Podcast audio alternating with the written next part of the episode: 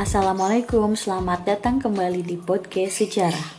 Kali ini kita akan membahas tahapan pembabakan masa praaksara berdasarkan ilmu geologi.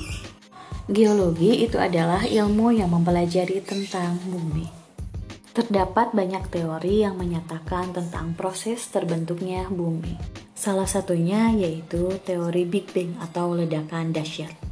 Sekitar 13,7 miliar tahun yang lalu, terdapat sebuah ledakan dahsyat yang melontarkan materi dalam jumlah yang sangat besar ke segala penjuru alam semesta. Materi-materi ini kemudian mengisi alam semesta dalam bentuk bintang, planet, debu, kosmis, asteroid, energi, dan partikel lainnya.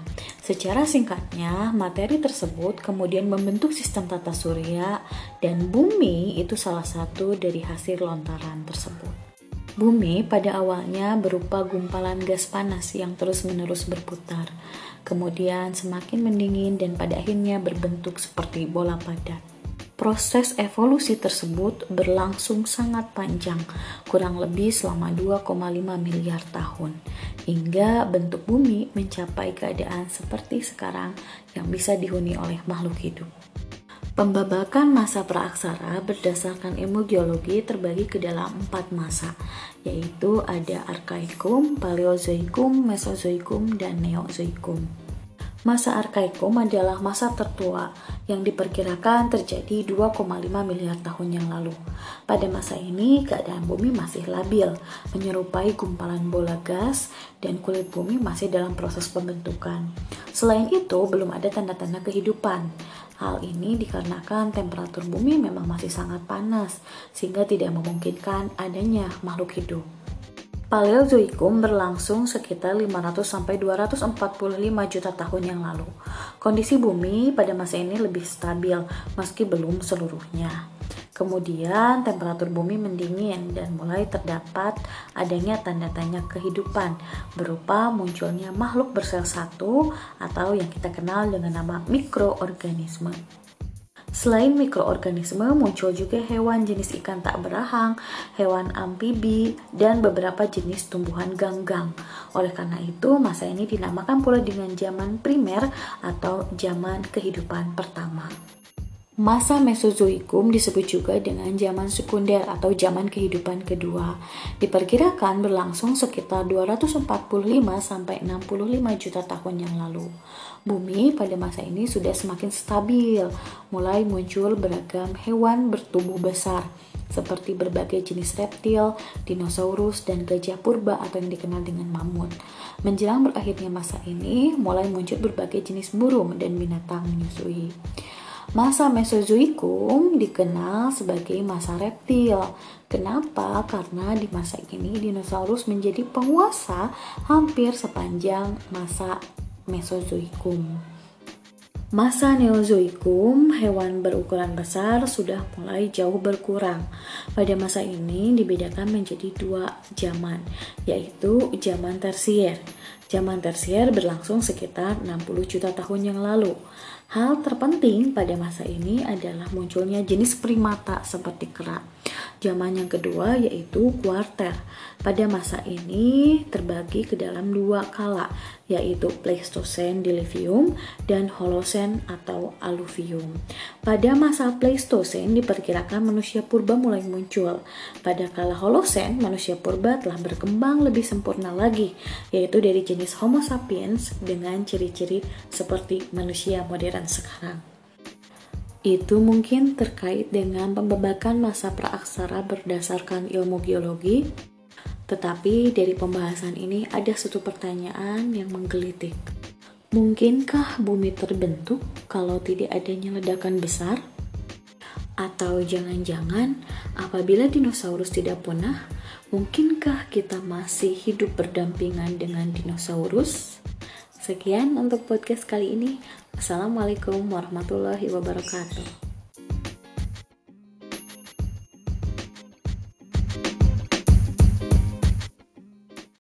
Assalamualaikum, selamat datang kembali di podcast sejarah. Topik yang akan kita bahas dalam podcast kali ini berkaitan dengan proses terbentuknya Kepulauan Indonesia. Pergerakan lempeng tektonik diyakini memberikan pengaruh paling besar terhadap terbentuknya Kepulauan Indonesia. Ketidakstabilan akibat pergerakan lempeng tektonik itu sudah dimulai pada masa Mesozoikum, yaitu sekitar 60 juta tahun yang lalu, dan terus berlangsung pada masa Neozoikum. Jadi, terbentuknya Kepulauan Indonesia dimulai sekitar 60 juta tahun yang lalu. Sebelumnya, wilayah yang disebut Kepulauan Indonesia masih merupakan bagian dari samudera yang sangat luas yang meliputi hampir seluruh bumi. Adakah yang tahu lempeng apa sajakah yang membentuk Kepulauan Indonesia? Indonesia dibentuk oleh tiga lempeng besar, yaitu lempeng Indo-Australia, lempeng Eurasia, dan lempeng Pasifik. Di samping itu, terdapat juga lempeng Filipina yang lebih kecil. Tiap-tiap lempeng ini memiliki gerakan yang berbeda. Lempeng Eurasia yang berada di bagian utara Indonesia bergerak ke arah selatan tenggara Indonesia. Lempeng Indonesia Australia bergerak ke arah timur laut Indonesia dan lempeng Pasifik ke arah barat daya Indonesia. Sementara untuk lempeng Filipina bergerak ke arah barat daya Indonesia. Nah, kecepatan pergerakan lempeng tersebut berkisar antara 7 sampai 9 cm per tahun. Lempeng-lempeng Indo-Australia, Eurasia, dan Pasifik bergerak sangat aktif. Lempeng-lempeng tersebut kemudian bertemu pada satu zona tumbukan yang disebut dengan zona subduksi. Pergerakan lempeng-lempeng ini mengakibatkan daratan terpecah-pecah. Benua Eurasia yang awalnya satu wilayah terpecah menjadi pulau-pulau yang terpisah satu dengan yang lainnya. Sebagian di antaranya bergerak ke selatan membentuk Pulau Sumatera, Jawa, Kalimantan, Sulawesi, serta pulau-pulau di Nusa Tenggara Barat dan Kepulauan Banda. Hal yang sama juga terjadi pada benua Australia. Sebagian pecahannya bergerak ke utara membentuk pulau-pulau timur, Kepulauan Nusa Tenggara Timur, dan sebagian Maluku Tenggara. Pergerakan pulau-pulau hasil pemisahan kedua benua tersebut telah mengakibatkan wilayah pertemuan keduanya yang sangat labil. Proses tersebut berlangsung selama berpuluh juta tahun yang lalu sehingga membentuk kepulauan Indonesia yang kita lihat seperti sekarang. Dampak dari adanya subduksi antara dua lempeng menyebabkan terbentuknya deretan gunung berapi di Indonesia. Sejarah mencatat banyak letusan gunung berapi di Indonesia yang berpengaruh secara global.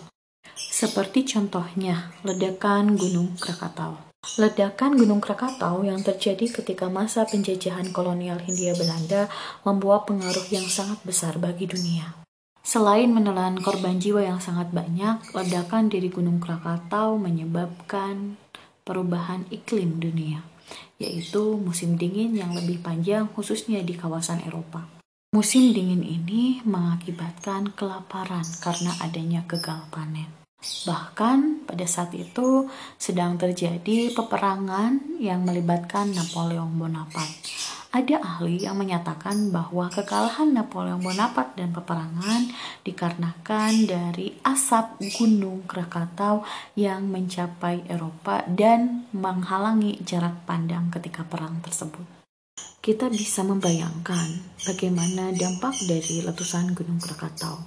Bukan hanya itu, di Indonesia terdapat juga Gunung Merapi aktif yang lainnya yang ledakannya lebih dahsyat dibandingkan dengan Krakatau. Contohnya adalah Gunung Toba yang sekarang menjadi Danau Toba. Keadaan Indonesia yang labil dikarenakan berada di cincin api mengharuskan kita sadar bahwa lingkungan tempat tinggal kita merupakan lingkungan yang rawan bencana. Walaupun kita berada di wilayah yang labil, banyak hikmah yang bisa kita petik. Dengan adanya bencana alam letusan berapi, wilayah di sekitar letusan berapi menjadi wilayah yang subur.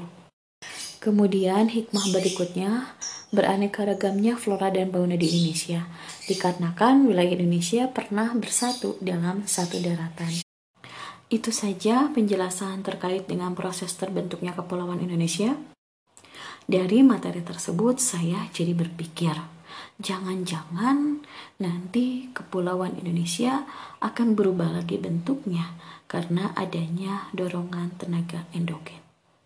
Sekian podcast kali ini. Kita ketemu di podcast selanjutnya. Assalamualaikum warahmatullahi wabarakatuh. Assalamualaikum, selamat datang kembali di podcast sejarah. Kali ini kita akan membahas terkait dengan asal-usul nenek moyang bangsa Indonesia. Ada yang tahu sebetulnya bangsa Indonesia itu berasal dari mana sih? Nah, terkait hal tersebut, ada beberapa teori yang menyatakan asal-usul nenek moyang bangsa Indonesia. Kita akan bahas satu persatu. Yang pertama yaitu teori Nusantara.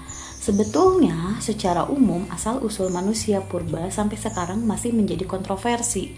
Jawaban atas asal-usul manusia purba itu tidak pernah jelas dan tuntas. Para ahli seperti Muhammad Yamin, J. Crawford, kemudian Kahim Lee, dan Sultan Takdir Ali Syahbana berpendapat bahwa manusia purba yang menghuni wilayah Nusantara berasal dari wilayah Indonesia itu sendiri. Nah, sehingga teori ini dinamakan teori Nusantara. Apa sih yang mendasari teori Nusantara ini? Nah, terdapat beberapa alasan munculnya teori Nusantara. Yang pertama, bangsa Melayu dan bangsa Jawa memiliki tingkat peradaban yang tinggi. Taraf ini hanya dapat dicapai setelah perkembangan budaya yang lama. Hal ini menunjukkan orang Melayu berasal dan diam berkembang di Nusantara. Kemudian yang kedua, terdapat pandangan yang mengatakan bahwa bangsa Melayu serumpun dengan bangsa Campa atau sekarang kita kenal dengan Kamboja. Sehingga manusia-manusia praaksar tersebut berasal dari Nusantara. Kemudian yang ketiga, menurut Muhammad Yamin, fakta menyatakan bahwa fosil dan artefak tertua yang ditemukan di Indonesia seperti fosil Homo soloensis, Homo wajakensis menunjukkan bahwa nenek moyang bangsa Indonesia itu berasal dari Indonesia itu sendiri. Dan yang terakhir, yang keempat alasannya bahwa bahasa yang berkembang di Nusantara yaitu rumpun bahasa Austronesia. Nah, rumpun bahasa ini sangat jauh berbeda dengan bahasa yang berkembang di wilayah Asia yang lain. Kemudian yang kedua ada yang disebut dengan teori Yunan. Nah, menurut teori ini, manusia purba yang menjadi nenek moyang bangsa Indonesia berasal dari wilayah Yunan atau Tiongkok. Mereka masuk ke Indonesia setelah tinggal cukup lama di daerah-daerah lain di Asia Tenggara, terutama Vietnam yang dikenal nanti membawa kebudayaan Dongson. Yunan berdasarkan pada migrasi manusia yang terjadi ketika masa praaksara. Jadi, ketika masa praaksara, terdapat migrasi dari ras Mongoloid yang datang ke Nusantara dari wilayah Yunan atau Cina Selatan dalam dua gelombang kedatangan Gelombang yang pertama yaitu sekitar 1500 sebelum Masehi yang nantinya dikenal dengan Proto Melayu. Kemudian gelombang yang kedua yaitu sekitar 300 sebelum Masehi nanti dikenal dengan Detro Melayu. Proto Melayu ini atau Melayu tua nanti menjadi cikal bakal dari suku-suku yang ada di Indonesia. Salah satunya suku Minang, suku Batak dan sebagainya. Kemudian gelombang yang kedua yang disebut dengan Melayu Muda atau Detro Melayu ini nanti menjadi cikal bakal dari suku Sunda, suku Jawa dan lain sebagainya. Kita masuk pada teori yang ketiga. Teori yang ketiga ini teori yang paling populer yaitu teori Afrika atau Out of Africa. Nah, menurut teori ini, manusia purba yang pertama kali mendiami Nusantara datang dari Afrika. Manusia purba muncul dan berkembang pertama kali di Afrika, yaitu sekitar 200 ribu tahun yang lalu. Mereka kemudian menyebar ke berbagai tempat, menyebar ke berbagai wilayah di dunia dengan berbagai variasi dan karakteristik yang khas khas yang nantinya beradaptasi sesuai dengan kondisi lingkungan tempat mereka tinggal. Landasan dari teori Afrika ini mengacu pada penemuan genetika tertua di bumi yang ternyata ditemukan di salah satu suku di Afrika. Setelah menelaah materi terkait asal-usul nenek moyang bangsa Indonesia, saya jadi berpikir bagaimana manusia yang berasal dari Afrika dan juga Cina Selatan melakukan migrasi yang sangat jauh sehingga sampai ke Nusantara, padahal saat itu kondisinya masih seadanya. Nah, sekian podcast untuk pertemuan kali ini. Kita ketemu di podcast selanjutnya. Wassalamualaikum warahmatullahi wabarakatuh. Sehat selalu.